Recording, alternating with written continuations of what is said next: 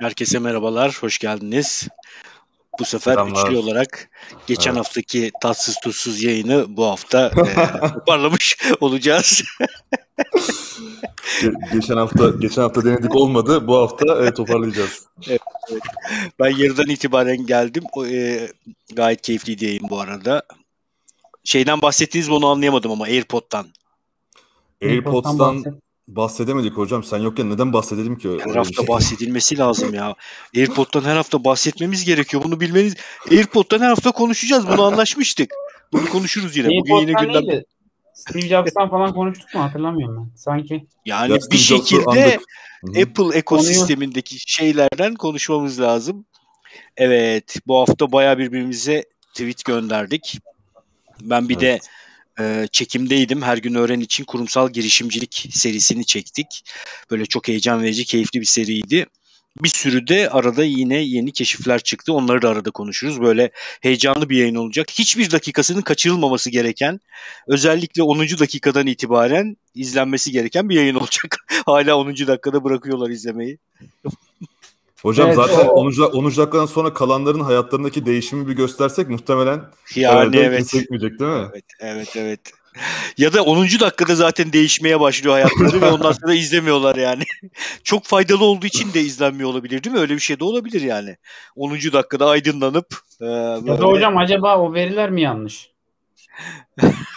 ya öyle ya da şöyle. Ya şu olabilir yani ben bu kadar bilgi alırsam belli bir sorumluluk yükleneceğim ve ben bunu kaldırmak istemiyorum da diyebilir insanlar. Evet, bence de öyle de olabilir gerçekten. Ama bunu, bunu yapabilirsiniz. biraz birazını boş konuşalım yani böyle boş boş gidelim bakalım neler olacak. Gerçekten bu arada efsane bir şey paylaşacağım onu söyleyeyim. Böyle hani yapıyorlar ya kanca atıyorlar. Ne zaman paylaşacağım belli değil. Ama paylaşınca çok efsane bir şey olduğu anlaşılacak. şey gibi olacak mı hocam hani böyle espriniz bittiği zaman haber ver, ver, vermesi gerekiyor ya kötü espri yapanların. Öyle bir şey olmayacak değil mi? Yani şimdi paylaşma. öyle bir haber vermesi gerekme, gerekme durum mu var ya? Ben, benim öyle bir şeyden haberim yok bu arada. Hayır hayır yani yok canım efsane oldu anlaşılacak zaten. Ben ben yalnızca hala şey var ya hocam. Espriyi yapıyor sonra da espri yaptım. Evet. Evet espriydi şakaydı. Buyurun başlayalım o zaman tweetlere. Evet, e, Emre nasıl başlayacağız? Nasıl gösteriyoruz? Notion'umuzu nasıl açıyoruz? Bir yönlendirebilirseniz e, beni. Hayatında hiç Notion paylaşmamış. Şu alt tarafta tam tabii, tabii, okay, tamam. yanındaki o şehir ekranıyla. Benim hala bu arada mouse kendi kendine bir şeyler yapıyor. Bir böyle evet, dengesini kaybedince touchpad'ler bir daha toparlayamayabiliyor. Yani silmen lazım. Evet evet, evet. silmem lazım. O ona Kapatamıyorum da touchpad'i. Artık mouse mouse'u da bıraktı herkes değil mi? Mouse kullanmıyoruz. Ben de kullanmıyorum. Yani mouse diye bir şey kalmadı neredeyse. Ben kullanıyorum hocam ya. Mouse kullanıyorum. Öyle mi? Ben kullanıyorum. Ee, nerede kullandığımı da söyleyeyim. iPad kullanırken. Hmm. Hiç kullanılmaması gereken yerde yani. evet çok çok sezgi karşıtı değil mi? Evet evet. Ee, teşekkür ediyorum. Bana zaman kazandırdığınız için çok sağ olun ve şu anda açmış olmam lazım. Hayır. Açmadım mı? Bir dakika. Paylaştın ama benim paylaşımı açmam lazım. Dur. Paylaştın. Ha tamam. Harika. Şimdi oldu. Anlayan ilk kez çözen şeyler gibi. Evet şimdi e, ilk tweetimizle mi gidelim sırayla mı gidelim onu e, ilk tweet'e başladıktan sonra karar verelim mi? Tamam olur. Sen nasıl istersen olur. Şöyle ilk tweetimiz e, Knowing when to quit is important by Ana Lo- Lorena Fabrega. Ben bu arada İngilizce özetliyorum çünkü tweetlerin hemen hepsi İngilizce olduğu için İngilizce özetlemek daha basit geliyor. Ee, eğer sonra da değiştirme ihtiyacı doğar, doğarsa çünkü özetlemeye çalışırım. Ben başlamadan ben şöyle bir şey hani sormuşlardı ya Ana Lore Fabrega kim ondan bahsedeyim. Ana Lore Fabrega David Perel'ın bu yazma kursu olan kursuna katılan ondan sonra da Twitter'da çok ciddi bir miktarda takipçi kazan. Şu an 50 bin falan herhalde tam hatırlamıyorum. Sonrasında da Elon Musk'ın kurduğu Sentesiz diye çocuklara farklı bir eğitim veren o kuruma şef evangelist olarak katılan, oranın sosyal medyasında işte dışa bakan yüzünü yöneten biri. Çocukların eğitimiyle alakalı geleneksel sistemin haricinde nasıl bir eğitim modeliyle insanlara, çocuklara yaklaşması lazım. Onu anlatan bir yazar diyelim, eğitimci. Ee, şöyle desek, ben de şöyle eklemeler yapayım bu arada. Ee, teşekkürler öncelikle Emre e, kendisi 2019'a kadar e, şey hmm, normal bildiğimiz örgün örgün eğitimdeki e, eğitim Aynen. veren öğretmenlerden bir tanesi. 2019'da diyor ki e, ben diyor bu e, eğitim e, konusundaki tecrübemi, bilgimi ve gördüğüm ihtiyaçları, karşı, e, bilgilerimle gördüğüm ihtiyaçları karşılamak için e, erken emekli oluyorum diyor. Çıkıyor ve e, ed entrepreneur mu deniyor? Edu entrepreneur mu deniyor? Yani e, eğitim alanında girişimci oluyor. Edupreneur deniyor. O, yani. o 2019'da girişime başlıyor. Ve evet en sonunda Elon Musk'ın da radarına girecek kadar da yani Elon Musk'ın radarına girmek bir kriterdir diye düşündüğüm için söylüyorum. Ee, şey giriyor. E, o e, girişimcilik hikayesi öyle büyüyor. Bu tweet'i de aslında şu anda bence kendi hikayesi doğrudan bağlantılı olmayan bir tweet. E, tweet'i e, vazgeçmekle alakalı. Yani daha doğrusu quit, istifa etmek değil mi? Vazgeçmekle alakalı. Vazgeçmek, vazgeçmek. Vazgeçmekle alakalı bir tweet. E, ve bunu da David Perel, e, evet David Perel'dan çıktıktan sonra bence yazı yazarak bulduğu bir şey olduğunu düşünüyorum. E, vazgeçmek üzerine hocam senin e, hatırla yanlış hatırlamıyorsam ilk 10 bölümde bir şeyimiz vardı zaten. Var. E, kendisi bu tweette e, özetle şunu söylüyor deyip e, mikrofonu size bırakayım. E, illa orada kalmak zorunda değilsin. İlla se- sebat etmek zorunda olmayabilirsin ni söyleyip vazgeçmenin de doğru zamanda vazgeçmenin de çok önemli bir aslında e, hayatına ya da girişimine neyse artık o vazgeçtiğin konu e, önemli bir katkıda katkıda e, bulunabileceğini söylüyor. Burada da trade açtım. Hatta bunu çocuklar üzerinden anlatıyor. Çocuklarla olan e, ilişkisi üzerinden anlatıyor. Yani çocukların ya da daha doğrusu şöyle söyleyeyim çocuklara da vazgeçmeyi öğretmenin gerekli olduğunu anlatarak anlatıyor. Bu çok önemli bu arada. Ben gerçekten çok önemli olduğunu düşünüyorum. Çünkü aslında bir takım temel haklarını çocuğa küçüklükten itibaren vermek, onu aşılamak gerekiyor. Yani sistemli eğitimle birlikte o kadar elinden alıyoruz ki o hakları. Şimdi benim sıkıldığı halde okula gidiyor. Sevmediği bir şeyin içerisinde bulunmak durumunda kalıyor. Yani çok küçük yaştan itibaren örtük bir şekilde de olsa otoriteye maruz kalıyor. Anne baba otoritesi, öğretmen otoritesi, okul otoritesi ve bütün bunların içerisinde bir takım şeyler söyleniyor ona. Onlardan en önemlilerinden bir tanesi de başarmaya çalış, bırakma, kitabını yarım bırakma, bir şeyleri yarım bırakma, onu yap, bunu yap vesaire bir sürü şey. Yani e, bir yandan tabii ki çocuğu kendisinin o anda farkında olmadığı bir takım faydaları bizim hazırlamamız gerekiyor. Böyle bir tarafı da var. Yani demiştim ben daha önce podcast'te bıraksalar bizi ilk ilkokul yakalıyla bir, e, üniversiteye kadar yaşarız yani. Hiçbirimiz bir adımdan daha sonrasını atmayız. Yani konfor alanından çocuğu çıkarmak gibi bir e, elimizde e, bir tane görevimiz var. Ama her, hayatta her şey denge ile alakalı olduğu için çocuğu konfor alanından çıkarmaya zorlarken otorite kullanıyorsun tabii ki. Bunu öyle bir yapman gerekir ki çocuk bu hayat içerisinde otorite hangi noktalarda karşı çıkabileceğini, haklarının neler olduğunu da öğrenmesi lazım. Bence bu açıdan çok önemli bir şeye parmak basıyor. Diyor ki işte nerelerde vazgeçebilirsin? Böyle çok güzel bir takım örnekler vermiş. Bizim Notion sayfamızdan sonra bakarlar. İşte başka bir şey öğrenmek istiyorsundur. Bir ara vermen gerekiyordur. Çok karışık gelmiştir konu sana. Çok zorlamıştır. ilgini çekmemiştir. Tarzı beğenmemişsindir. Çok yavaş hareket ediyordur. Mesela bir kitabı ne zaman bırakabilirsinle ilgili söylediği şeyler. Ürkütücü gelmiştir. Heyecan verici değildir. Yani gerçekten tonla nedeni olabilir bir kitabı bırakmanın. O zaman bırakma hakkına sahipsin demektir, vazgeçme hakkına. Bu tabii çocuk eğitimi açısından otorite ve çocuk haklarını çocuğa veriyor olma ilişkisi açısından bir nokta. Vazgeçmekle ilgili milyon şey söylenebilir. Seth Godin'in çok il- ilişkili olduğu bir konudur. Ee, Dip diye bir kitabı vardır. Orada ne zaman vazgeçmek üzerine gerçekten çok güzel şeyler yazar. Çünkü insanın hayatında da çok basitçe sonra Emre'ye devredeyim. E, şöyle bir şey vardır. Acaba ben yeterince çaba göstermediğim için mi başarısız oluyorum? Ee, devam etsem başarılı olabilir miyim soru işareti hep vardır. Ama bir yandan da batık maliyet dediğimiz bir şey var. Yani e, başarılı olmayacağı halde bir şeyi hala kaynak harcayarak yürütüyor olma durumunda bulunmak var. İşte Erdem bu yelpaze içerisinde bu iş artık ben ne yaparsam yapayım ne olursa olsun galiba sıçramayacak noktasını keşfedip bu iş çıkmaza gidiyor deyip onu zararla da olsa terk etme erdemine sahip olmak. E, bunun için de ne yapman gerekiyor? Disiplinli bir şekilde o noktaya kadar yapabildiğin en iyisini yapman. Bir de hangi iş ne kadar sürede uçuşa kalkar bunları bilmen gerekiyor. Yani bir içerik işi yapıyorsan bir buçuk iki seneden önce o, o içerik işinden bir dönüş beklememen gerektiğini biliyor olmalısın ki İkinci ayda Üçüncü ay vazgeç. Ha, yani üçüncü ayda vazgeçmenin bir anlamı ol, olmaz. Enayice vazgeçmemeyi öğretir yani Seth Godin o dip kitabında. Enayice olmayan bir şekilde akıllıca vazgeçmeyi öğretir. O da bence çok önemlidir. Ee, ben Hocam bu arada Emre senden şey... önce son sözü sana vereyim çok kısa bir şey ekleyecektim. Ben özet geçtikten sonra söylemiyordum kusura bakma. Ee, şöyle ben vazgeçmekle ilgili şunun da zor olduğunu düşünüyorum. Ee, tam da aslında senin söylediğin gibi hocam. Yani e, ne zaman sıçra, sıçrayacağını bilmiyorsan tam sıçramanın bir nokta öncesinde artık yeter ben çok e, sermaye ve emek harcadım, enerji harcadım deyip bırakabilirsin. O çok tehlikeli. O bilgisizlikle alakalı. Bir de bence işin psikolojik tarafı da var. Şöyle psikolojik tarafı var bence.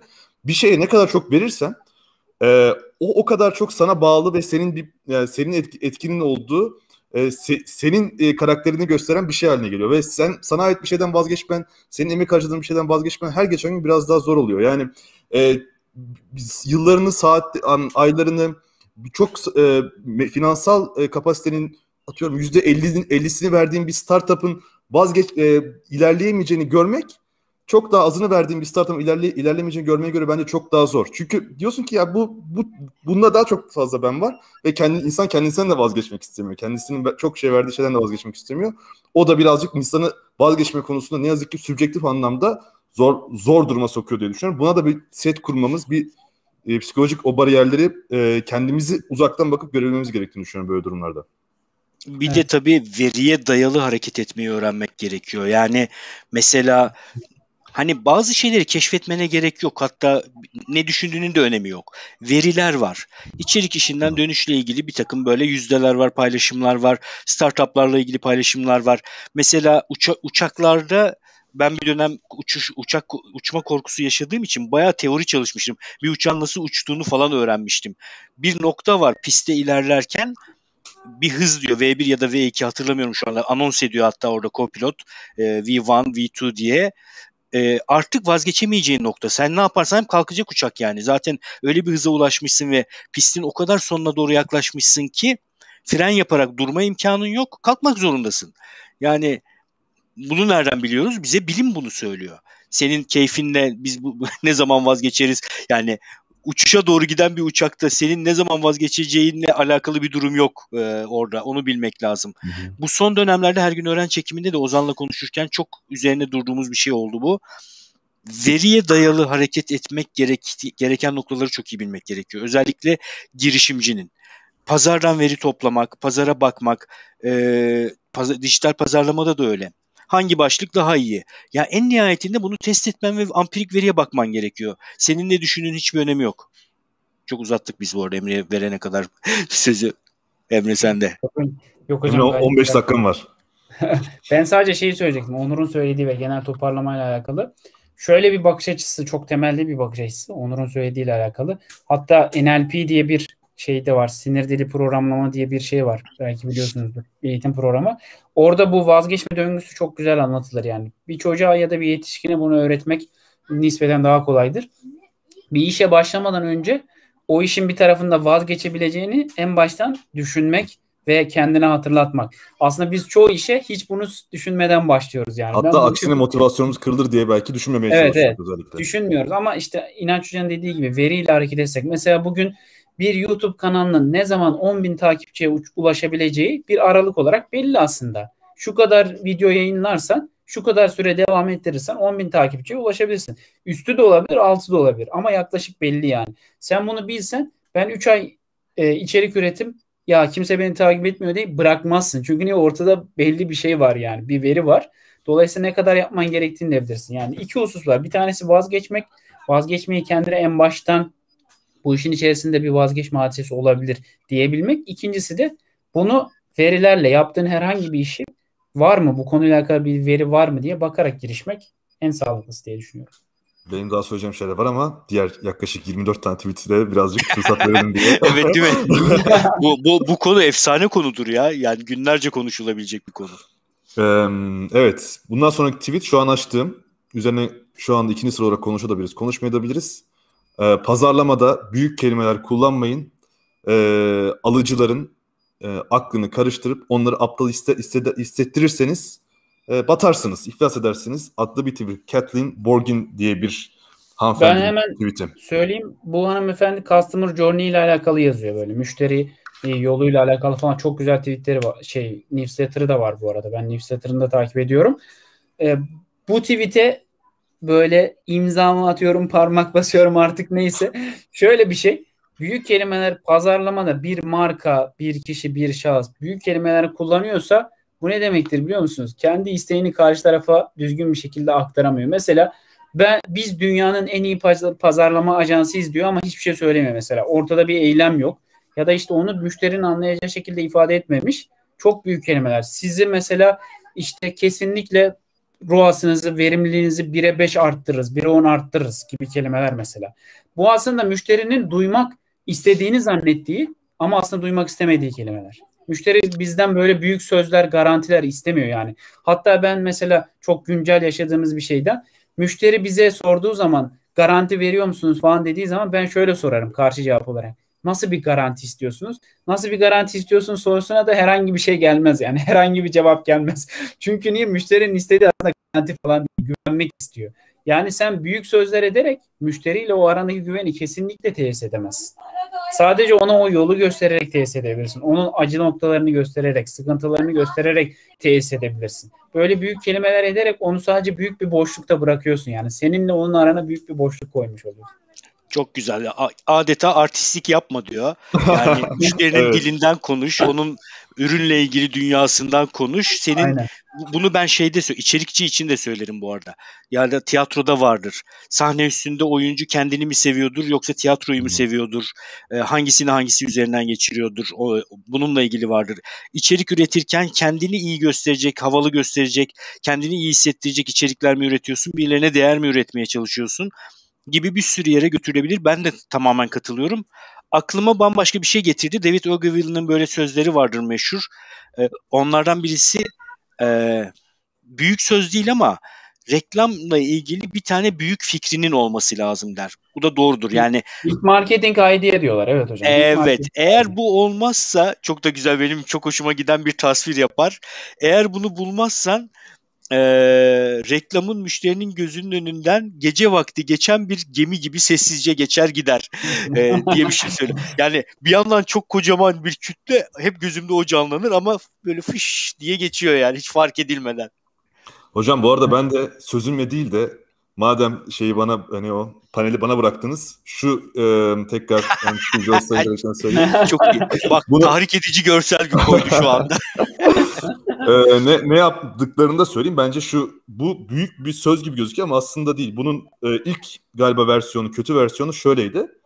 E, işte 8 GB hafıza var falan. Öyle bir şeydi yani. O, o tarz bir şeydi. Kompleks aslında e, marka için çok büyük bir başarı olduğunu e, teknik anlamda da açıklayan bir e, ilk çalışmaları vardı. Sonra diyorlardı ki yok öyle ol, olmayacak galiba. Biz en iyisi bizim onlara yani müşteri bunu alan müşteriyi sokacağımız durumu anlatalım. Bunu alan müşterinin cebinde bin tane şarkı olacak. Bu kadar basit. Gerisi İnanç onu ilgilendirmiyor. Aynen İnanç Hocam siz telefonla konuştuk ya Jobs to be done. Evet, evet, evet. O işte biz mesela sizle konuştuktan sonra ben düşündüm. E, pazarı tanımlarken de mesela buradaki şey aslında müşterinin perspektifinden ürünü tanımlamak. Müşterinin hangi işi göreceğini, müşterinin hangi işini görecek bu ürün onu tanımlamak biz pazarı tanımlarken bile aslında çok büyük hata yapıyoruz. Mesela diyelim ki biz ne diyoruz? İşte şöyle şöyle ol, ebeveynlerin olduğu pazar diyoruz. Emre'nin sesi kesildi galiba. Emre evet benim bizi... Atıyor. İşte çocuklu ebeveynlerin olduğu, çocukları olan ama şu işini halletmek isteyen ebeveynlerin olduğu pazar. Yani müşterinin yapılacak işi ne? Pazarı tanımlamalarımız bile bizim genel itibariyle hep genel tanımlamalar. İşte bu açıdan müşterinin tarafından işe bakabilmek ve onun gözüyle anlatabilmek. O anlamda ben yine, çok güzel ve değerli bir tweet. Beni, beni sen de yine Jobs to be Done'a e, ittin. Onun için biraz uzun konuşmak durumundayım. Çok taze bilgilerim var. Çok gerçekten çok sevdiğim birkaç tane çerçeve vardır. Mavi Okyanus onlardan birisidir mesela. Çok temiz anlatır meseleyi. Jobs to be done yani görülecek iş çerçevesinde onlardan birisi. Christensen'di galiba. E, şu anda tam adını hatırlamıyorum ama bulunur. internette Jobs to be done yazınca bulabilirler yani izleyenler. Şöyle bir örnek veriyor kitabın içerisinde.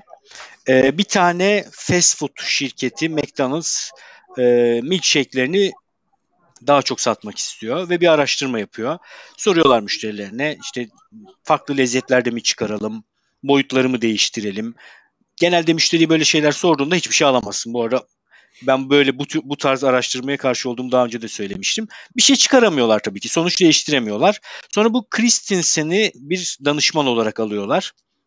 Gidiyor bir gün 18 saat boyunca McDonald's'ta çalışıyor. Ve her şeyi gözlemliyor. Rakamlara bakıyor. Ve şunu fark ediyor. 6.30 sabah 8.30 arası en çok milkshake satılan saat dilimi.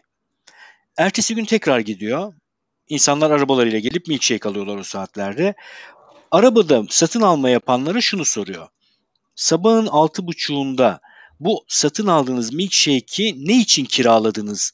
Sizin için nasıl bir iş görüyor diye soruyor.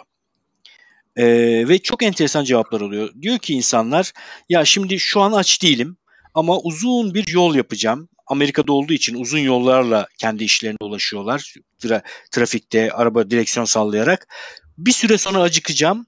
Yemek yemek istemiyorum. Beni tok tutacak ama uzun sürede oyalayacak. Kolay tutulan, sağ elimle tek elimle tutup içebileceğim. Çünkü böyle pipeti var ve rahatça içebiliyorsun. Biraz kalın bir sıvı olduğu için hemen erimiyor. Yol boyu seni götürüyor. Besleyici bir tarafı var. Bunları söylüyorlar. Christensen diyor ki burada müşterinin gördüğü bir iş var. O da milkshake satın almak falan değil. Bütün bu tarif ettiği faydalar. Yani milkshake aslında McDonald's'ın milkshake'i Burger King'in milkshake ile rekabet içerisinde değil, e, sandviçle rekabet içerisinde, yolda yenilen içilen her tür başka şeyle Vay çok iyi çalışıyordur. E, rekabet içerisinde. Deyip ne yapıyorlar biliyor musunuz? Daha yoğun, yolda daha rahat içilebilir bir e, formül hazırlıyorlar. Bütün milkshake'leri sabah saatlerinde bankonun önüne doğru çıkarıyorlar. Önceden hazırlıyorlar, pratik bir şekilde hızlıca verilebilir hale getiriyorlar ve kartlar hazırlıyorlar. Ön ödemeli kartlar. Dolayısıyla insanlar hiç sıra hmm. beklemeden hızlıca milkshake'leri alabiliyorlar. Karlılık ne kadar? Satış miktarı fazlalığı çarpı 7. 7 kat daha fazla ürün satmış oluyorlar. Şimdi biz hep birlikte keşfettiğimiz bir şey vardı değil mi? Şunu diyorduk.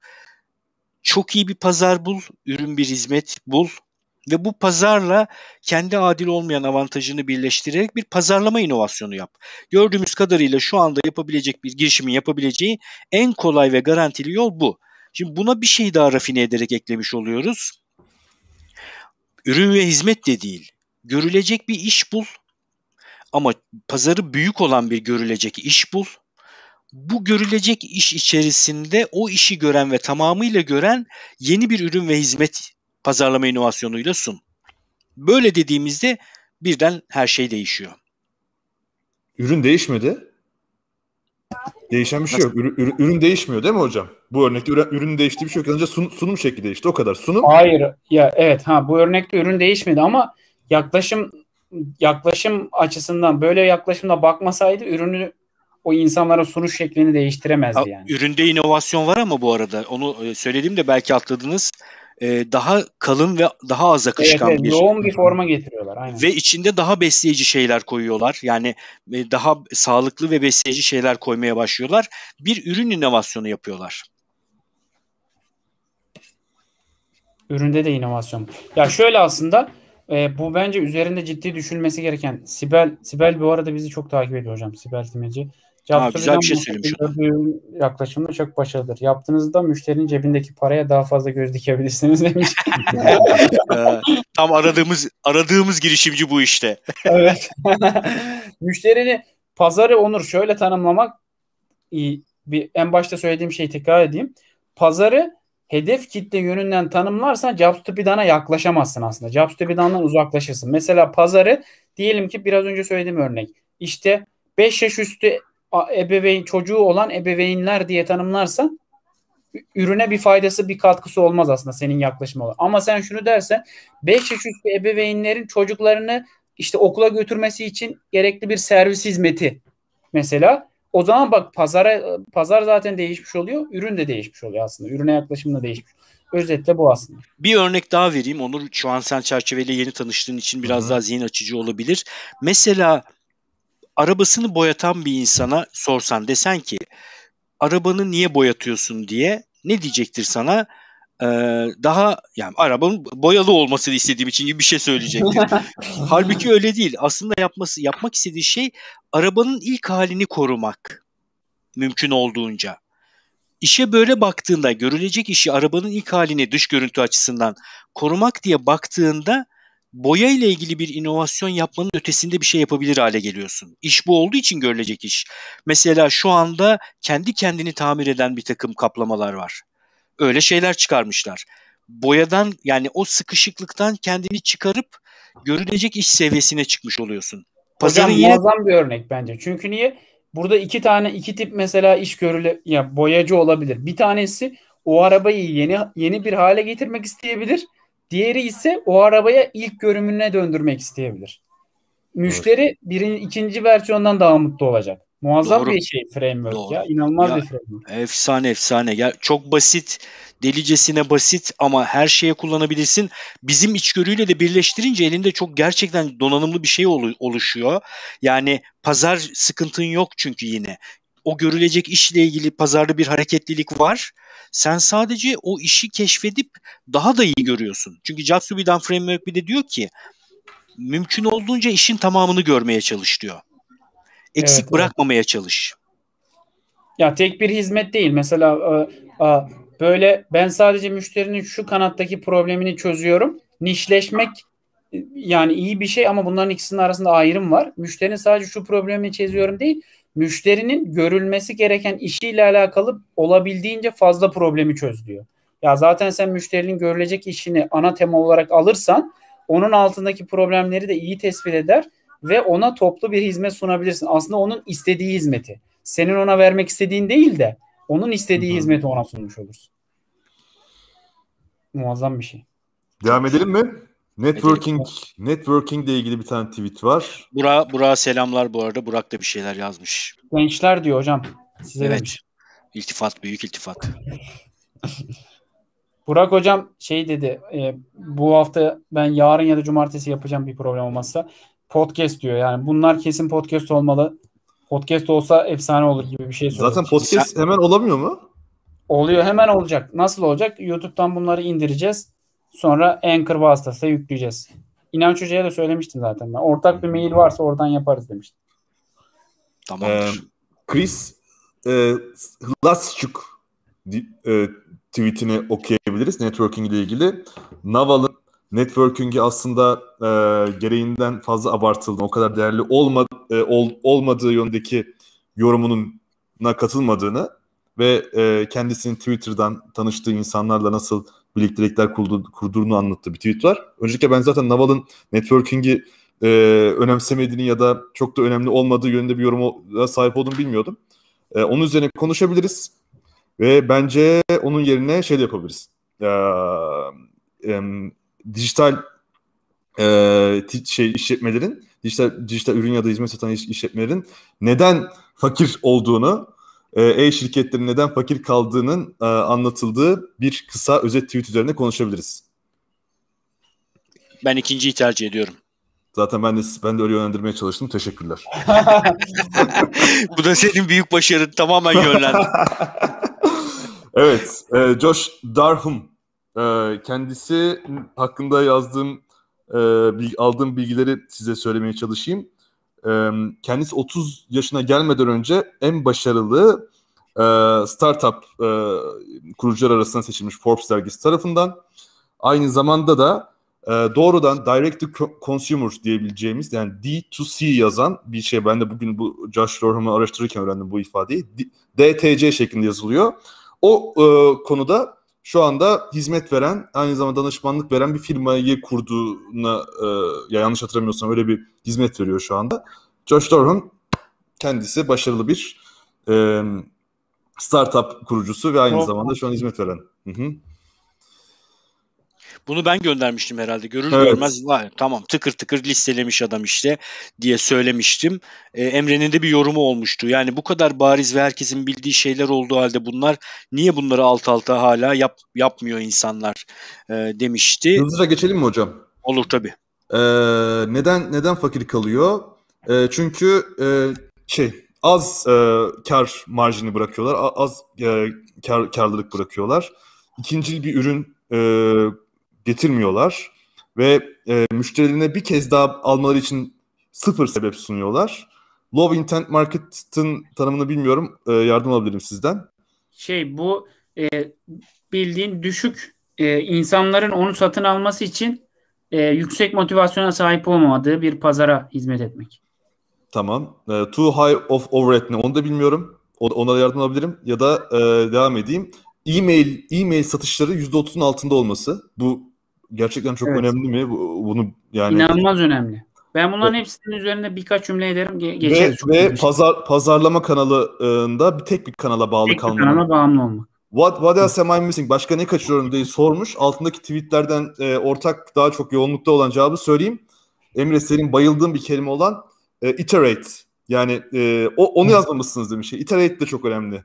E, burada demiş. Iterate yapmazsanız da fakir kalabilirsiniz denmiş. Bu arada ben şey söyleyeyim. Belli bir işte firmalarla falan çalıştıktan sonra şu böyle bizim çok büyük filtrelerimizden bir tanesi oldu. İşte e-ticaret insanlar hep e-ticarete girerken şey kafasından bakıyor. Ya ben bu ürünü işte çok sayıda satabilirim. İşte belli bir hacme ulaştırırım falan filan sonra kar ederim falan. Bir işletmenin bir ürünü çok sayıda satıp belli bir hacme ulaşması bile çok büyük zaman alan şeyler. Onun yerine odaklanıp mesai harcayıp yüksek kar marjı olan bir ürüne odaklanmak daha mantıklı, nispeten daha zor ama daha mantıklı bir şey. Sonra ikinci ürün yani şöyle bir istatistik var. İnsanlar sizden satın alma yaptıktan sonra onlara mailden bile sadece bir bundle, başka bir ikincil bir ürün sunsanız orada bile %20'ye varan satışlar yapılabiliyor. Senden satın aldı. Sonra sen onun mailine sen bunu satın aldın bak şöyle de bir paketimiz var diye satın alma için bir opsiyon sunduğunda yine satın alma olabiliyor. Tekrardan almak çok önemli. En büyük para ticarette bu e-ticaret yapanlar arasında çok dolaşır. Ticarette para arka tarafta kazanılır. Önde kazanılmaz. Yani müşteri edindikten sonra kazanılır. Ona tekrar tekrar aldırarak ya da ona daha üst bir, bir fiyatlı ürünü satın aldırarak kazanılır. İlkinde zaten müşteriyi edinmek için çok büyük çaba sarf edersin. Reklam maliyeti harcarsın. Bir sürü şeylerin maliyeti olur. Ama eline geldikten sonra ona bir daha satamıyorsan aslında bir şey kazanmıyorsundur demektir. Ben Ve şey... çok önemli. Tek bir kanala bağlı olmakla e-mailden %30 satmak aynı şey mesela. Biz bunu görüyoruz yani. %20'lere e-mail satışı yaptığımız firmalarda daha rahat, daha böyle e, içimiz rahat bir şekilde ayı geçirebiliyoruz yani. istediğimiz şeylere ulaşabiliyoruz. E-mail hiç kullanmadığın zaman çok problemli. Tek bir kanala hiçbir zaman bağlı kalamazsın. Çünkü niye? Çoğu kanal zaten senin kontrolünde değil. Google mesela bir değişiklik yapıyor ve sen direkt sıralamada organik Hı-hı. olarak çok gerilere bir yere düşüyorsun mesela. Aramalarda çok gerilere düşüyorsun. Bir kanala bağlıysan, sadece Google'a bağlıysan mesela artık insanlar seni bulamaz. Sonra ciron bir anda yerlerde olabilir yani. Muazzam şeyler. Ve Hocam e, sen Bayfok'ta e, e-mail bülteni nasıl oluşturulur, daha doğrusu neden oluşturulur hakkında ilk başta 5-10 dakika bir de bilgi vermiştin. Bence en önemli şeylerden bir tanesi o. Şöyle bir şey demiştin yanlış hatırlamıyorsam o sunumda. E, hiçbir platforma bağlı kalmaksızın size doğrudan e, e bağ, bağ kura, kurabilme imkanı sağlayan şu andaki mevcut 1971'den beri abi. 1971'den beri değişmeyen tek platform. İnanç Hoca'nın İnanç Hoca'nın doğum yılı falan evet, değil mi? Evet evet doğum yılı hakikaten. 1971'den beri e-mail gönderiyor. Evet evet evet çok iyi. Çok doğru ya tıkır tıkır hepsi altına imza atılacak şeyler söyledikleri gerçekten. Ee, hocam ben bu ilk maddeyi Emre sen de galiba bir podcast'inde böyle bir şey rastlamıştın ya da başka yerde mi konuşmuştuk bilmiyorum.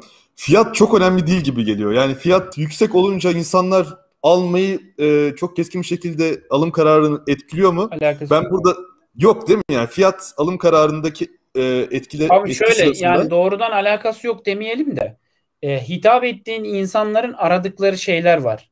Yani mesela gelir grubu düşünülerek hedefleme yaparsan daha sağlıklı. Mesela bu ürünü ben aslında hangi gelir grubuna e, gösteriyorum? Hangi gelir grubu için e, düşünüyorum? İlk başta öyle düşünürsen daha rahat edersin. Ama tabii ki insanların satın alma kararında fiyat söyleyeyim çok açık ve net. Böyle ilk sıralara yazamazsın yani. Fiyatı Hı-hı. satın alma kararı olarak ilk sıralara yazamazsın. Evet şimdi o zaman davranışsal psikolojiyle alakalı, alakalı bir tweet'e geçelim mi? Olur. Yoksa efsane, efsane ne zaman olacak hocam? Efsane oldu. Jobs to be done'dı. Jobs to be done'dı. Olsun ya. adam gibi oldu ya. ne yapsın? Efsane işte ya. Yani şu cümle bakın şu cümle üzerine bu bilgisayar kaşiflerinin bu bölümünü dinleyen bir insan şu cümle üzerine 5-6 ay geçirip istediği her şeyi yapabilir. Bereketli, verimli bir pazarda görülecek bir iş bul. Bu pazar garanti. Ürünler ve hizmetler var alınıp satılan. Bu görülecek işin içerisinde en iyisi ürün inovasyonu, daha kolayı pazarlama inovasyonu. Yapmak. Pazarlama inovasyonu. Aynen. Hocam o zaman bence devam edelim. Çünkü bu az önce söylediğin şeyden eğer Emre senin için okeyse Justin e, Jackson'ın çok benzer konuda bir tweet'i var. Justin ee, Jackson kim abi? Hemen açıklayayım. Transistor.fm diye. Bak şu biraz önce söylediğim... Ben de mi not aldın ya Emre? Ben de not aldım. Niye sen bu kadar hızlısın ya? biraz önce söylediğimiz neden heyecanlandım biliyor musun? İnanç Hoca'nın biraz önce saydığı her şeyi yapıp şirketini çok iyi bir noktaya getiren birisi Justin Jackson. Hı hı. Justin Jackson bir sürü podcast yayınlayan şey olduğu bir ortamda transistor.fm diye bir podcast şeyi açıp Spreaker falan gibi böyle çok fazla şey var yani. Onların olduğu ortamda pazarlama inovasyonu yaparak, içerik üreticileriyle temas kurarak transistor.fm diye bir podcast e, mecrası üretip onunla milyar dolara ulaşan bir girişimci yani. Söylemiş işte ya demiş ki bağımsız bir geliştirici olarak ya da bizim deyimimizde yeni bir girişimci olarak talep oluşturacak kadar zamanın ve paran yok. Yani insanlar da daha önce hiç haberleri olmadıkları bir iştah uyandırmak baya büyük bir iş. Maliyet. Evet. Ama şey hocam yeni girişim yapan birisi için ya bu daha önce hiç düşünülmemiş. Bu daha önce insanlar bunu hiç yapmamış. Muazzam bir şey yani. Görünce buna kesin yapmalıyız falan. Alakası yok aslında. Nasıl nasıl güzel filtrelemiş. Ya bu arada bu bu e, bir önceki yayınımızda konuşmadığımız bir tane tweet vardı. O tweette ne diyordu belki e, hatırlarsınız. E, bence biz hiçbirimizin katılmadığı bir tweetti galiba. E, şey ortaya çıkacak fikir kalmadı. Yeni fikir kalmadı. O yüzden mevcut fikirlere yönelin diyordu. Yani mevcut şu anki e, şu anki e, fikirlere yönelinin e, farklı bir sebebi, gerekçesi olarak onu sunuyordu ama bence fikir çok. Hala fikir çok bulunabilir de bence o sebepten dolayı değil. Fikir bulup onu bak böyle fikri buldum ve o fikir sizin ihtiyacınız yeni bir pazar oluşturuyorum demek maliyetli olduğu için mevcut fikirlere gitmek daha ekonomik. Yoksa bence hala bulunacak yüzlerce binlerce belki sonsuz var, şey var. Var var oradaki mesele şu bence yani benim tarafımdan. Mesela yapay zeka ile ilgili yapılacak milyon tane orijinal iş var. Kesinlikle. Ama yepyeni bir şeyi yapay zeka şu anda hemen pat diye yapılabilecek bir sürü iş var muhtemelen. Ama insanların hayatına sokmak onu ve senin elini onların cebine sokman o kadar kolay değil. Onun için ne gibi işler daha başarılı oluyor girişimci açısından? Mesela içerik üretmeye yardımcı olan Jarvis denilen bir AI e, şeyi uygulaması var. Giriyorsun birkaç tane cümle sana baya böyle landing page yazıyor. Bir sürü şey yazabiliyor. Neden? Bu zaten var olan bir görülecek iş done. Yani bir takım insanların copywriter satın almalı yani ve hizmet almaları gerekiyordu bir sürü ihtiyacı böyle görüyorlar. Hocam çok güzel bir metafor kullanmıştık geçen bölümlerde. Muazzam bence. Biz ne yapmalıyız bir girişimci olarak? Yani bizi dinleyenler de zaten öyle insanlar. Biz rüzgarın olduğu yere güzel güzel çabamızı gayretimizi sarf ederek yelkenlimizi kuracağız ve rüzgarın olduğu yerde o yelkenliği götüreceğiz. Bizim amacımız orada rüzgar yaratmak değil. Rüzgar yaratacak ne paramız var, ne sermayemiz, ne zamanımız, hiçbir şeyimiz yok. Gitsin başka biri Mark Cuban gitsin rüzgar yaratsın yani. o, onun işi yani.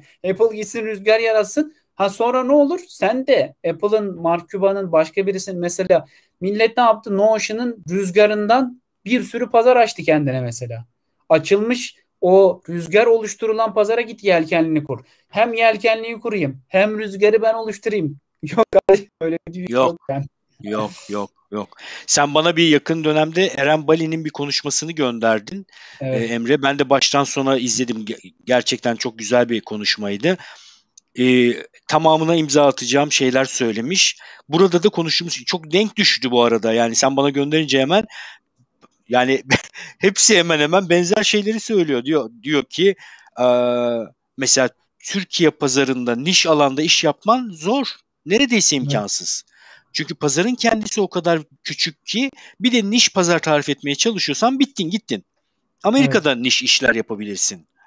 Ya da Hocam mesela Eren Bali'nin Eren Bali'nin son yaptığı Carbon Health adam yani o anlattıkları pazarla alakalı anlattıkları işte birilerinin işinin görülmesi Carbon Health şey e, orta seviye, düşük seviye herkesin sağlık hizmeti alabilmesini sağlayan bir girişim. Eren Bali'nin yaptığı. Ve adam tamamen bu şeylere göre yapıyor yani. Ortada pazar var, insanların görülecek bir işi var. Zaten hareket halinde, zaten rüzgar oluşmuş. Götürüyor oraya, gemisini oraya kuruyor yani. Yelkenlisini. Çok doğru, çok iyi, çok mantıklı. O zaman şu o zaman bu tweet ile şu anki söylediğim şey bence biraz çatışıyor gibi. Ya da çatışmıyor mu acaba? Bu tweette Christopher e, Lorchet e, kimdi Christopher Lorchet? Kendisine bakıyoruz. E, bir e, kendi kendine bir girişim, yap, girişim yapıp sonra e, satışını yapmış. Galiba ekonomik e, özgürlüğünü tamamen kazanmış. Amazoncu ee, ya bu Amazoncu herhalde. E, genç bir arkadaşımız. Kendisi aynı zamanda Color Capital adlı bir tane firmanın da e, yatırımcısı olarak not almışım. Detayla bakamadım. Ama kendisi diyor ki bence doğru. Ee, en son iste, istediğiniz şey rahatça kıyaslanabilir olmak. Ee, ya bunu şimdi... zaten İnanç Hoca söylüyor ya ürün ya da pazarlama inovasyonu yaparsan kimse seni kıyaslayamaz zaten. Heh, yani o, o pazara girip de hali hazırda bir rüzgar var. Orada bir sürü yelkenli var. Mesela yelkenli ana, e, metaforuna devam edecek olursak analojiden. Bir sürü yelkenli var. Şimdi bir sürü yelken yelkeninin arasında işte bir yelkenli orada bir yelkenli de burada işte bu biraz bu biraz büyük bu biraz küçük diye e, kıyaslanmak dan çıkmamız lazım değil mi o şeyde ama ne yap ne şekilde çıkacağız ya üründe ya da şu anda işte son zamanlarda üzerine yoğunlaştığımız üzere pazarlamada yaptığımız inovasyonla. Fakat bu bunun içinde bence inovasyonun oldukça yani sizi o e, Kızıl Okyanus'tan Mavi Okyanus'a alacak şekilde olması lazım. E, bu da zor. Abi ben şöyle söyleyeyim evet lazım ama yani he, geçen konuştuk ya şey simple not easy basit ama kolay değil diye yani bir açıdan basit böyle. Başka insanların yaptıklarının dışında bir şey yaparak yapabilirsin ama bir açıdan da zor. Neden? Üzerinde çalışma gerektiriyor. Müşterinin o işte bak Jobs to be perspektifinden bakmak gerekiyor. Müşterinin görülecek işini, müşteri hangi işini görmek istiyor? Benden bu ürün hizmeti alırken aslında motivasyonu ne? Ulaşmak istediği sonuç ne? Bu perspektiften bakarak iyileştirme yapmak, inovasyon yapmak zor. Yoksa sadece böyle bakıp ya işte müşterinin belki davranışlarını anlamadan bizim mesela çok yaptığımız hatalardan bir tanesi. Kendi düşüncelerimizi işin içine katarak ya bu şöyle olsa böyle olsa daha iyi diyerek yaptığında o açıdan zor yani. Ama e, çok da zor değil diye düşünüyorum. Artık hatta bence daha da kolaylaştı. Bütün böyle bakın mesela bir pazara girin aslında herkes birbirini kopyalıyor. Bir tanesi farklı bir şey yapınca zaten komple oradan sıyrılıyor ve ayrışıyor yani. Herkes birbirinin benzer işler yapıyor. Tabii koca koca içecek devleri Red Bull'un açtığı Hı. o rüzgar senin tarif ettiğin evet. şeye göre o rüzgarla bir şeyler yapmaya başladılar. Yeni Aynen pazarlar, yeni içecekler aramakla uğraşmadılar. Zaten açılmış olan bir enerji içeceği pazarına bayağı pazar payı kaparak girdi Red Bull. Oraya girmeye başladılar. Hocam mesela bakın e, Türkiye'den şimdi bir girişim çıkıyor İKAS diye. Shopify ya dünyaya muazzam bir e-ticaret pazarı açtı, yaydı girişimcilere dedi ki kardeşim sen hızlıca gel buraya e-ticaretini kur. Bak İKAS Türkiye'den bir girişim. JobsToBe'dana muazzam uygun. İnsanların problemleri var. Shopify'dan da memnun olmayan, hız isteyen, Türkiye'deki altyapıların çoğundan memnun olmayan e-ticaretçiler var. E o zaman dedi ki biz hızlı, genç girişimcilere hitap eden kolay bir altyapı yapalım. Bakın rüzgar hazır, her şey hazır. Adam götürdü yer. Yani muhtemelen çok başarılı ne yapıyor bir... İKAS bu arada ben e, kurcalamadım. İKAS hocam Shopify'a Shopify'a rakip e-ticaret altyapısı. Muazzam Aa. Shopify için bir şey yapmıyor. Kendisi ayrı. Shopify'a rakip direkt aynen Shopify'a rakip. O kocaman pazardan yani yüzde bir pay alsa bile dünyadaki 1.2 milyondan fazla işletme mi ne kullanıyormuş Shopify tam hatırlamıyorum şu anda. Belki daha yüksektir rakam. Oradan yüzde bir bile pay alsa yani Muazzam bir de şu açıdan oluyor. önemli Emre güzel bir örnek verdin. bazen de ayağını sektöre sokmak açısından bir iş Tabii. yaptığında yine doğru bir iş yapmış oluyorsun. Yani Shopify garantili bir e, pazar yine. O pazarda küçücük bir pay alma, al, almaya başlamak demek problemleri tanımak ve görülecek işleri yakından tamam. takip etmek demek. Dolayısıyla bir sonraki hamlen çok daha büyük, çok daha kapsayıcı olabilir. Hmm, ya pazar, Hocam, pazara girip ya böyle... ya pazara tanımak için pazara önce giriş yapmayı bir enstrüman olarak kullanmak öyle mi? Ya evet. da orada vakit geçireceksin. Aynen. Vakit mesela şimdi biz atıyorum pazarlama ve e-ticarette çok vakit geçiriyoruz ya. Vakit geçirdikçe ve inanç hocanın söylediği perspektiften baktıkça oradaki muhtemel insanların işini görebilecek şeyleri daha iyi kavrayabiliyoruz. Yani belki bunu hocam böyle aralarda 10 dakikada bir tekrar etsek e, şey olmaz yani. Bir fikir bulduğunda böyle bu insanların işini görüyor mu? Burada pazar var mı? Rüzgar var mı? Ben yelkenlimi açıyorum ama bunu böyle tekrar tekrar düşünmek çok önemli. Çünkü hani shiny object sendrom diye bir şey var ya. Ya bir fikir gör aklına geliyor. Ya ben bunu yapayım bu muazzam bir şey falan ama hiçbir filtreden geçirmiyorsun mesela. Doğru, doğru. Evet, e, Andrew e, Gezeçki e, startup başarılı olur. Gazdeki bu Mikro Ekair'in kurucusu abi. Mikro Ekair şey. Var ya e, Emre yani gerçi senin tabirine sen de büyük belasın yalnız ha. Tam bir baş belası. Tam baş adamları so, ne yani bütün şeyi seceresiyle falan tanıyor. Ben o seviyede değilim. Ben sadece içeriklere bakıyorum. Mikro Acquire'ın şeyi kurucusu öyle mi? Kurucusu hocam Mikro Acquire ne yapıyor? Bu adam muazzam bir bak. Bu adam mesela tam bir ino şu Nasıl seçtik ben de bilmiyorum. Biraz önce konuştuğumuz her şeyi yapan adamların Twitter'i çıkıyor karşımıza. Bu adam ne mesela? E, normalde yurt dışında falan e, Filippo falan tarzı böyle internet sitelerinin satışı satıldığı, ürünlerin satıldığı böyle pazar yerleri var. Adam ne yaptı? SaaS çok büyük bir pazar. Software as a service. Muazzam bir pazar yani. Rüzgar oluşmuş her şey var. Hı hı. İnsanlar birbiriyle SaaS alışverişi yapıyor vesaire satılıyor. Dedi ki ben o zaman dedi SaaS ürünlerin, şirketlerin satıldığı bir pazar yeri oluşturayım. Yatırımcıyla Sen, startup e, şey yatırım isteyen startup Yatırımcı startup'ı buluşturmuyor aslında. SaaS var senin mesela SaaS'ın yıllık 5000 dolar yapıyor. Satıyorsun onu. Oraya koyuyorsun. Başka birisi de gerçi yatırımcı da olabilir bunu satın alan ama girişimci de olabilir. Hı hı. Bunlar satın alıyor. Böyle bir şey yaptı ve bunu pazarlama inovasyonuyla Mikro Cairo duyuruş tarzı falan adamı çok güzel. Yani incelemek isteyen olursa inceler. Hatta bunu da içerik pazarlamayla bes, beslemek için Bootstrap Founder diye şimdi bir yeni bir Blok şey kurdu. Bootstrapper.com diye içerik şi, şeyi firması kuruyor. Diyor ki ben diyor iç, girişimcilere hizmet ediyorum. O zaman ne yapayım? Sıfırdan girişimini belli bir yere getiren insanların hikayelerini bir içeriğe dönüştüreyim. Ayrı bir içerik pazarlaması şirketin bir kolu olarak ayrı bir içerik pazarlaması şeyi kurdu mesela. Sitesi kurdu, yapısı kurdu. Ya her şey var. Biraz önce konuştuğumuz her şey var yani. Ya o Adam zaman o yani e, o zaman e, beyefendinin adı neydi? Andrew. Abi bırakmayacak Charles o zaman müşterilerini. Bir daha bir daha oraya giren çıkamayacak yani. Yani sahası e, ürün yapan mısın, mühendis, mühendis misin, alıcı mısın, satıcı mısın? Oradan böyle seni tutacak blog sayfaları, Kesinlikle derken. bak. Her açıdan her açıdan orada Ömrünün olursun. sonuna kadar Andrew, Andrew'un girişimlerine yatırım yapacaksın. Aynen para öyle. vereceksin. Her açıdan orada olsun. Mesela ben bir sahas kurmak istiyorum. Gider bakarım benim rakibim olan herhangi bir sahas ne kadara satılıyor. Adam ne kadar MRR yapıyor. Aylık tekrar eden geliri, yıllık tekrar eden geliri ne? Muazzam bir iş yani. Var olan dediğim gibi işte var olan bir şeyi rüzgarı olan bir yere adam getirdi. Çok güzel yelkenliği kurdu yani. Ve çok hızlı bir şekilde de ilerliyor yani. Acayip hızlı ilerliyor. Ee, Andrew'un bir de tweet hakkında konuşalım. Ya da Andrew'un kendisi hakkında konuşmak yettiyse geçebiliriz ama tweet'i bence şu açıdan güzel. Tweet'inde diyor ki yani e, bir startup milyar dolarlık değere ulaşmadan unicorn olmasa da startup başarılı olabilir diyor. Sen Aa, başarılı bir girişimci olabilirsin diyor. Başarılı bir girişimci olabilirsin diyor. Ben de orada şunu şu, yani aslında şu soru e, genel olarak sorabiliriz. E, bir startup ne zaman başarılı olurun e, filtresi kriterleri nedir acaba? Yani hangi sektörde hangi ihtiyaca ne kadar cevap verdiğinden mi gidilmesi lazım? Belli bir illa e, parayla finansal anlamda karşı olan bir şey mi olması lazım? E, bunu, ben de bu İnanç Hocam e, söylesin de benim için bunun iki tane cevabı var yani. Ya da herhangi bir girişim ben, yani evet. Ben, benim e, açımdan ben startup dünyası e, ile biraz mesafeli hareket etmeye başladım. Şunu keşfettikten sonra aslında başarı şansı çok düşük varlıklar e, startuplar. Evet. Çünkü e, riskli bir alanda hızlıca ölçeklenebilecek bir şey yapmaya çalışıyorlar.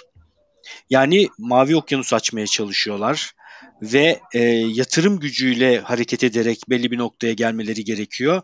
Çünkü çok yüksek miktarlarda e, para yakmadan halledilebilecek şeyler değil onların ele aldıkları problemler. Ortaya Hocam geliyor. her ay %30 büyüme gibi startupların %20-30 büyüme gibi hedefleri var yani. Gerçekçi değil, çok ciddi emek vesaire istiyor ve uzun soluklu düşünmüyorlar aslında. O kısa zamanda bir efor sarf edip sonra o efor iyi bir şeye dönüşürse uzun soluklu düşünürüz gibi bakıyorlar hadiseye aslında. Tabii. Ben ya o katılıyorum zaman, tweet'e. Yani kısa süre sonra hayatta kalanlar başarılı mı diyebiliriz? Ya da yatırım alanlar başarılı mı diyebiliriz? Ya bence ben şöyle düşünüyorum abi. Bu başarı iki türlü olabilir. Müşteri işini gördürüyorsa bir girişim başarılıdır. Şeyini kurucusunu özgür bırakabiliyorsa yani o özgürlük herkes için değişebilir ama hı hı. finansal ya da zamansal olarak özgür bırakabiliyorsa bence başarılıdır yani. Güzel kriter. Böyle, böyle düşünüyorum ben. Ben startup oyununun bir girişimcinin e, ileri safhalarda oynaması gereken bir oyun olduğunu düşünüyorum. Yani iyi bir girişimciysen startup oyunu hatta oynamana gerek yok. E, gayet iyi girişimler yaparak var olan pazarlarda bir takım iyileştirmeler ürünlerde ve pazarlama inovasyonu gibi şeyler yaparak bayağı güzel e, bir kendine gelir elde edebilirsin diye düşünüyorum. Sonra yatırım gücünü kullanarak artık startup dünyasında işler yapabilirsin. Bunun ters versiyonu ne? Gençsin, yıllar önünde uzanıyor. Vaktin var, macera peşinde koşmak istiyorsun. Garantili bir şeyler almak zorunda değilsin ekonomik olarak. Öğrendiklerin sana yeter. Bu gibi şartlar varsa da startup dünyası tabii ki e, kullanılabilir. Evet bir şey değil böyle bizim önümüze hep getiriliyor hani o startup çok diyoruz şu kadar yatırım aldı bu kadar yatırım aldı falan filan sanki insanların o startup'a gitmesi gerekiyor startup üzerinde içerisinde bulunması gerekiyor falan filan bunlar ben de hani indie hacker indie preneur gibi şeyler tabirler var ya onları daha sağlıklı buluyorum. Ben... Startup'tan ziyade adam kendi üretiyor bir SaaS yapıyor bir tool yapıyor bir içeriği bir şeye dönüştürüyor, ürüne dönüştürüyor. Dijital bir ürün üretiyor. Ya da ne bileyim bir pazar yerine giriyor, e-ticarete başlıyor. Bunlar aslında bizim açımızdan, bizim gibi insanlar için daha sürdürülebilir yapılar yani. Ee, o zaman şimdi zaten çok da ha, gerçi biraz daha vaktimiz var. Ee, şeyin e, CEO'nun patronu kimdir sorusunun cevabını veren çok bir iyi ya. Bak bu nasıl seçtik bilmiyorum alıcı damar şeylere seçmişiz yani. Her şey artık bu, bu keşfettiğimiz şeylere hizmet eder hale geliyor evet, değil mi? Evet öyle oldu hocam. Çok, Nogart şimdi. Çok, çok ağır Balaji, konuşmuş. Nogart, Nogart'ı tanımıyorum ama sözün sahibi Balaji'yi seceresini şey yapabilirim. Küçük o zaman. Balaji ee, şey hocam, e, Coinbase'in eski şu an Coinbase biliyorsunuz şey halka arz edildi. Bir coin platformu. E, o platformun eski kurucularından bir tanesi. Şu an devam ediyor mu oraya bilmiyorum. Tim Ferriss'in falan podcastine katılan çok genç birisi ama çok berrak bir zihin. Düşünce yapıları özellikle bu e, finansın falan dağıtık finans yapısı vesaire şu an decentralization çok gündeme gelmeye başladı ya. O Web3 dediğimiz şeyle, şeyle alakalı çok berrak düşünceleri, çok iyi düşünceleri olan birisi. E, o açıdan da takip edilmesi gereken biri yani. Bu sözde ona o açıdan çok tamam. başarılı. O zaman ben Norgard, Norgard hakkında e, aldığım bilgileri de paylaşayım. Kendisi SpaceX'in, Notion'un, AngelList'in, Airtable gibi firmaların e, ilk yatırımcılarından yani e, ilk round oh. ya da ikinci round yatırımcılarından belli ki yani e, piyasayı, pazarı, ürünleri iyi bilen birisi. E, ve aynı zamanda Tinder'ın da eski e, product officer galiba. Yani Tinder'da da C-level dediğimiz e, CPO'nun açılımı neydi bilmiyorum ama CPO'ymuş. Tinder'da e, kendisi e, akıllıca bir hareket yapmış. Bala, bal, e, Balajis miydi? Balajis'in tweetini tweetlemiş. Ben burada öncelikle şey diyeceğim. CEO e, anladığım kadarıyla yani şu değil mi? Şirketin ne olduğunu biliyorum CEO'nun da. Şirkette son karar verici kişi olarak mı e, düşünüyoruz CEO'yu? Yani CEO'nun ver öyle değil değil mi? Yani ben aslında ya adı üstünde abi executive officer yani. Adam exec yapıyor yani. Herkes ama dönüp, dönüp dolaşıp e, CEO'ya e, CEO'ya e, şey yapıyor, rapor veriyor. Böyle Yönetim oldu, şöyle kurulunun kendine verdiği hedefleri gerçekleştirmeye çalışan insan. Çalışan kişi aynen. Ve herkese talimatlar veriyor. Herkese sen şöyle yap ya da bir şekilde talimatlar ver, vermekte yükümlü. Pazarda Tabii demek. Yani o hedef nasıl gerçekleştirilecekse deniyor ki CEO'ya e, şöyle bir karlılık bekliyoruz, Hı-hı. şöyle bir verimlilik bekliyoruz, paz- şöyle pazar boyu bekliyoruz, yeni pazarlara açılmak istiyoruz. Bir takım hedefler tarif ediliyor. Strateji strateji belirleyip uygulayan kişi ya, uygulattıran ya da. Evet. Uygulattıran kişi. Ya o zaman onun da, onun da patronun da pazar olduğunu öğrendik. Demek ki asıl onun yani kendisinin herkesin pat- patronu pazar. Herkesin, herkesin patronu pazar. Olur, aynen öyle. evet. Boz. Big Boss is the market diye e, bunu evet. yazabilirsin bak. evet, evet. Bu, bununla ilgili tonla söz bulunabilir bu arada değil mi? Herkes bir şey söylüyor bununla ilgili. Evet. Yani pazar, pazar. Pazar, evet pazar şey patron ama şimdi bence şöyle bir şey var tabii bunu farklı şekilde ifade ettik de. Yani e, o kadar da böyle kendi talimatlarını, isteklerini e, açıkça söyleyen bir patron da değil kendisi pazarı şey yapacaksak, patron olarak alacaksak ketum, öyle ketum. öyle Pazar aynen abi. ağzında şeyler dolandırıyor. Bir şey diyor gibi ama demiyor. Onu anlamak yani asıl e, ilet, iletişimde alıcı taraf olarak e, asıl işlemcisi yüksek olması gereken CEO Tabii. bu durumda. Ben o yüzden Onur yani e, bir bu dünyada girişim yoluyla hayatını sürdürmenin bayağı kompleks problemler çözme becerisi gerektirdiğini evet. düşünüyorum. Yani bu dünyanın en kompleks problemlerinden birisi. Bir pazarı anlayarak orada ekonomik olarak sürdürülebilir, karlı bir işletmeyi, bir varlığı sürdürmek çok hiç kolay olmayan bir şey. Ya hocam aslında şimdi girişimcilik hayatın ta kendisi falan demek istemiyorum da hani o, o, o lafı ben demek istemiyorum. Burada burada diyenlerden bir tanesi olacaksa ben olmayayım diye diyorum da e, ya insan bence ne kadar e, kendi hayatına ve değerlerine uygun olmak kaydıyla ne kadar kompleks problemleri çözerse bence o kadar iyi yaşıyor demektir bence. Yani kendisini o kadar gerçekleştirebiliyordur diye düşünüyorum. E çünkü ama bu zihin ama şunu şu şu şu klas yani şu filtreden geçmesi lazım. Benim değerlerime uygun bir problem olacak ama. Öyle alakasız benim hayatımla ya da değerlerimle inandıklarıma alakasız bir problemi çözmekle hayatımı e, ya da zihnimi, enerjimi kaybetmektense e, diğer türlerini çözerek en zorlarını, en komplekslerini mevcut zihnimi en iyi şekilde kullanarak çözerek bence iyi bir iyi ve başarılı bir hayat e, yaşanır diye düşünüyorum genel anlamda. Kompleks problem çözmek konfor alanının dışı. Ben hocam şöyle görüyorum. Yani bu düşünce aslında biraz hani sert bir düşünce ama bence startup dünyası pazarın içerisinde kendine bir konfor alanı oluşturduğu için çok insanlar tarafından hoş görülüyor. Startup ne ya bir tane ciddi bir fikir düşünce buluyor ama onun içerisinde yani orada bir konfor alanı aslında yok. Niye? Asıl konfor alanı senin pazarın içerisinde gerçekten işe yarayabilecek, uzun soluklu üretebilecek bir iş üretmen lazım ki konfor alanı dışına çıkabilesin. Belki bir Indiepreneur, Indie Hacker konfor alanı daha fazla dışında. Startup'ta verilmiş sana yapılması gereken, yapman gereken bir şey var. %30 büyümen lazım vesaire. Startupçılar kızacak. Evet. Ya orada da yaptığın bir iş var. Ona kesinlikle küçümsemiyorum ama bence asıl konfor alanı dışı senin söylediğin o pazarın ne istediğini bulabilmek. Asıl konfor alanı dışının orasında olduğunu düşünüyorum. Çünkü konfor alanı da aslında insan için kademe kademe. Mesela ne yaparsın? Bir kendi finansal özgürlüğünü elde edersin. Mesela diyelim ki Türkiye şartlarında aylık 5 bin 6 bin kazanırsın. Burası bir konfor alanı. Sonra gidersin 10-12 bin kazanırsın. Mesela burası da bir konfor alanı gibi böyle düşünüyorum. Ve bu açıdan da pazarı anlayabilmenin de konfor alanının insan dışında kompleks problem çözmenin de konfor alanı dışında olduğu için zor olduğunu düşünüyorum. Ben bir şey söyleyeyim bu, burada tam pazarı anlama noktasında söylediğin şeye istinaden Emre. Tiago Forte geçenlerde bir şey attı. Çok hoşuma gitti. Ya dedi galiba cohort based kurslara katılan bir 150 kişi var. Nerede açılsa hepsine de bunlar gidiyorlar. Hep aynı evet insanlar gidiyor.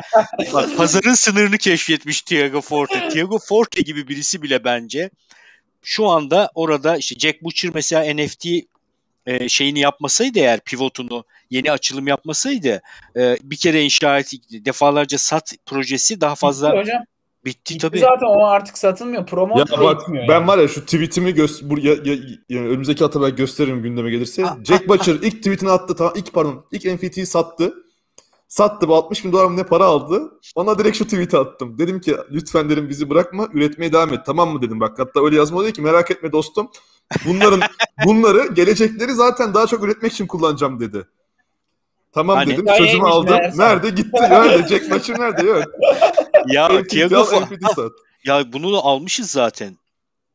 Yani 10 bin dolar harcayan toplamda bir 150 kişi var diyor. Harbiden ya. Raito pasaja katılıyor. Thiago Forte'nin evet. katılıyor. Başka birisine katılıyor.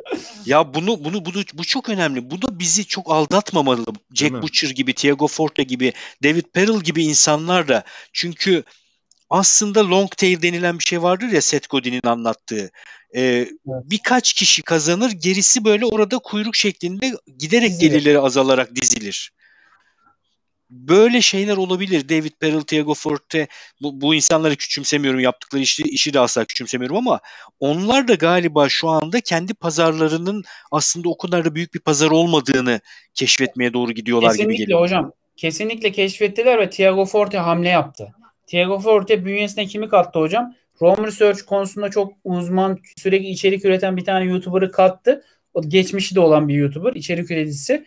Ona ne yaptırıyor biliyor musunuz şu anda? Şey second brain ikinci beyin oluşturma başka dünyadaki hangi alanlarda uygulanabilir? Kimyada uygulanabilir mi? Başka bir yerlerde uygulanabilir mi? Bunlarla alakalı içerik üretecekler. Neden? Pazar limitine ulaştı.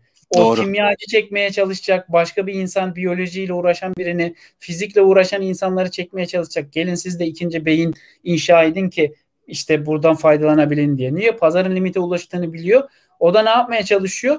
Pazarı daha kabul edilebilir. ikinci beyni daha insanların anlama seviyesine indirip herkese yaymaya çalışıyor yani. Pazarı genişletmeye çalışıyor. Tüm dünya tüm dünya Çok doğru. çalışıyor aynı zamanda. Çok, o hamleyi çok... yaptı yani. Ben iyi takip ederken hangi hamleyi neden yaptığını az çok belli bir süre sonra kavrayabiliyorsun. Ben yani. de ben de bunu pazar sillesi olarak okudum şu tweet'i. Bildiğim için takip ettim. Vay dedim bak Tiago'ya da pazar sille. Boss, Pazarın big, big boss. Big Boss Thiago Forte'yi de mızmızlandırmış diye. Ee, bir yandan da tabii e, uğraştıkça ve baktıkça bizim açımızdan da ne neyi ne şekilde anlamak gerektiğini de anlamaya başlıyoruz. Yani öyle her e, başarılı gözüken insanın yaptığı şey modellenebilir diye düşünmemek kesinlikle lazım. Hocam. Kesinlikle kesinlikle. Bu da çok muazzam bir şey yani. Hep söylüyorum. Birisi cohort based course yapmış. Ben de bu seviyede cohort based course yaparım düşünemez. Mesela o niş yapmış. Belki sen çok genişe hitap eden bir şey yaparsan aynı verimi elde edebilirsin. Yani o perspektif de çok önemli. Aynısını Doğru. yaparım ben şu kadar kazanırım şey düşüncesi de yanlış yani. Onur'u girişimcilikten soğuttuk. Pazar hayır, diye hayır, diye. Soğut. Ben şimdi ben ben devam etmek istiyorum. Bir yandan da ya süre de geçti konuşsam mı devam etsem mi diye onun Çok muazzam bir yayındı ya. Böyle Ar- böyle acayip acayip keyif aldım tabii, yani. Tabii. Pazarın ben tokadını de... yedik ama yine Evet ama her sefer ya gerçekten bu arada mesela şimdi Onur bizden daha yeni bir girişimci olarak hayatını sürdürecek. Gerçekten şunları e, bana birisi 5-10 sene önce söylemiş olsaydı ve idrak etseydim her şey bambaşka olurdu. O zaman için... 10 sene sonra görüşürüz. evet, evet. evet Acayip kesinlikle. disiplin. Muazzam. Ee, bir saati açtık. Toparlayalım. Toparlayabiliriz. Aa çok güzel. Son şey final görüntümüze de geldik. Üç adam görüntüsü. çok iyi. Bu arada e, yani dinleme sayılarımız oranlarımız da fena değil izlemeler yani ilk bölüm 600 kişi yak 600'e yakın izlenmiş. Böyle bizim zaten çok keyifle yaptığımız bir şey. Hiç kimse dinlemese izlemese de pek umurumuzda olacak bir şey değil yani. Çünkü biz çok öğreniyoruz değil mi? Yani konuştukça, Kesinlikle. takip ettikçe, Twitter'a baktıkça bunu, falan. Bunu, bunu zaten videonun son son dakikalarında söylemen de iyi oldu hocam. Çünkü ilk başta söyledim evet. birkaç kere. hocam, hocam şeyi söyleyeyim. Biz aslında kendi kendimize ne yaptık? Onu ben böyle çok yeni yeni fark ettim böyle. Normalde bir tweet'i aslında birbirimize atıyoruz o tweet'in üzerinde de düşündüğümüzü zannediyorduk. Evet. Zannediyorduk. Ama bu yayın olduğu zaman gerçekten tweet'in üzerinde düşünüyoruz. Kesinlikle. Gerçekten düşünüyoruz. Biz birbirimize şey diyorduk e, belki Doğru. yazmayarak. Aa çok güzel tweetmiş deyip bırakıyorduk bazen. Aynen aynen. Burada e, şey bu arada bizim izlenmemizi arttırabilir. Ne dersiniz bilmiyorum ama bölümlerin dakikalarına başlıklar koyarak bunu tabii Koyarsak ileride evet. O çok evet. iyi bir strateji. Evet birileri bunu bununla ilgili yardımcı olmak istiyorsa asla hayır demeyiz. Belki değil mi bilgisayar kaşiflerini izleyen birisi böyle bir şey yapmak ister. Mesela Her bu bölümü birisi dakika dakika ayırsa 1 evet, 10 pazar, 10 As, 20 asla pazar. Bunu asla bunu yapamazsın demeyiz yani. Evet, asla demeyiz. Kesinlikle. Evet. Evet, geleneksel olarak kim nerede ulaşılabilir? Hemen Le... başlıyorum hocam. Aa, İnanç tamam, hocamıza ulaşmak için İnanç Eğer Twitter'dan bana ulaşmak için ED Doğaner, Onur'a ulaşmak için Onur Olgun 3 N ile ve bugün konuştuğumuz gibi berrak fikirlere, düşüncelere ulaşmak, bunları rafine edilmiş bir şekilde edinmek ve iki haftada bir yapılan İnanç hocamızın ve başka arkadaşların yaptığı yayınlara katılmak istiyorsanız sizi Bayfok Kulübe bekliyoruz. Bekliyoruz. İzlediğiniz için de teşekkür ediyoruz. Görüşmek üzere. Görüşmek üzere.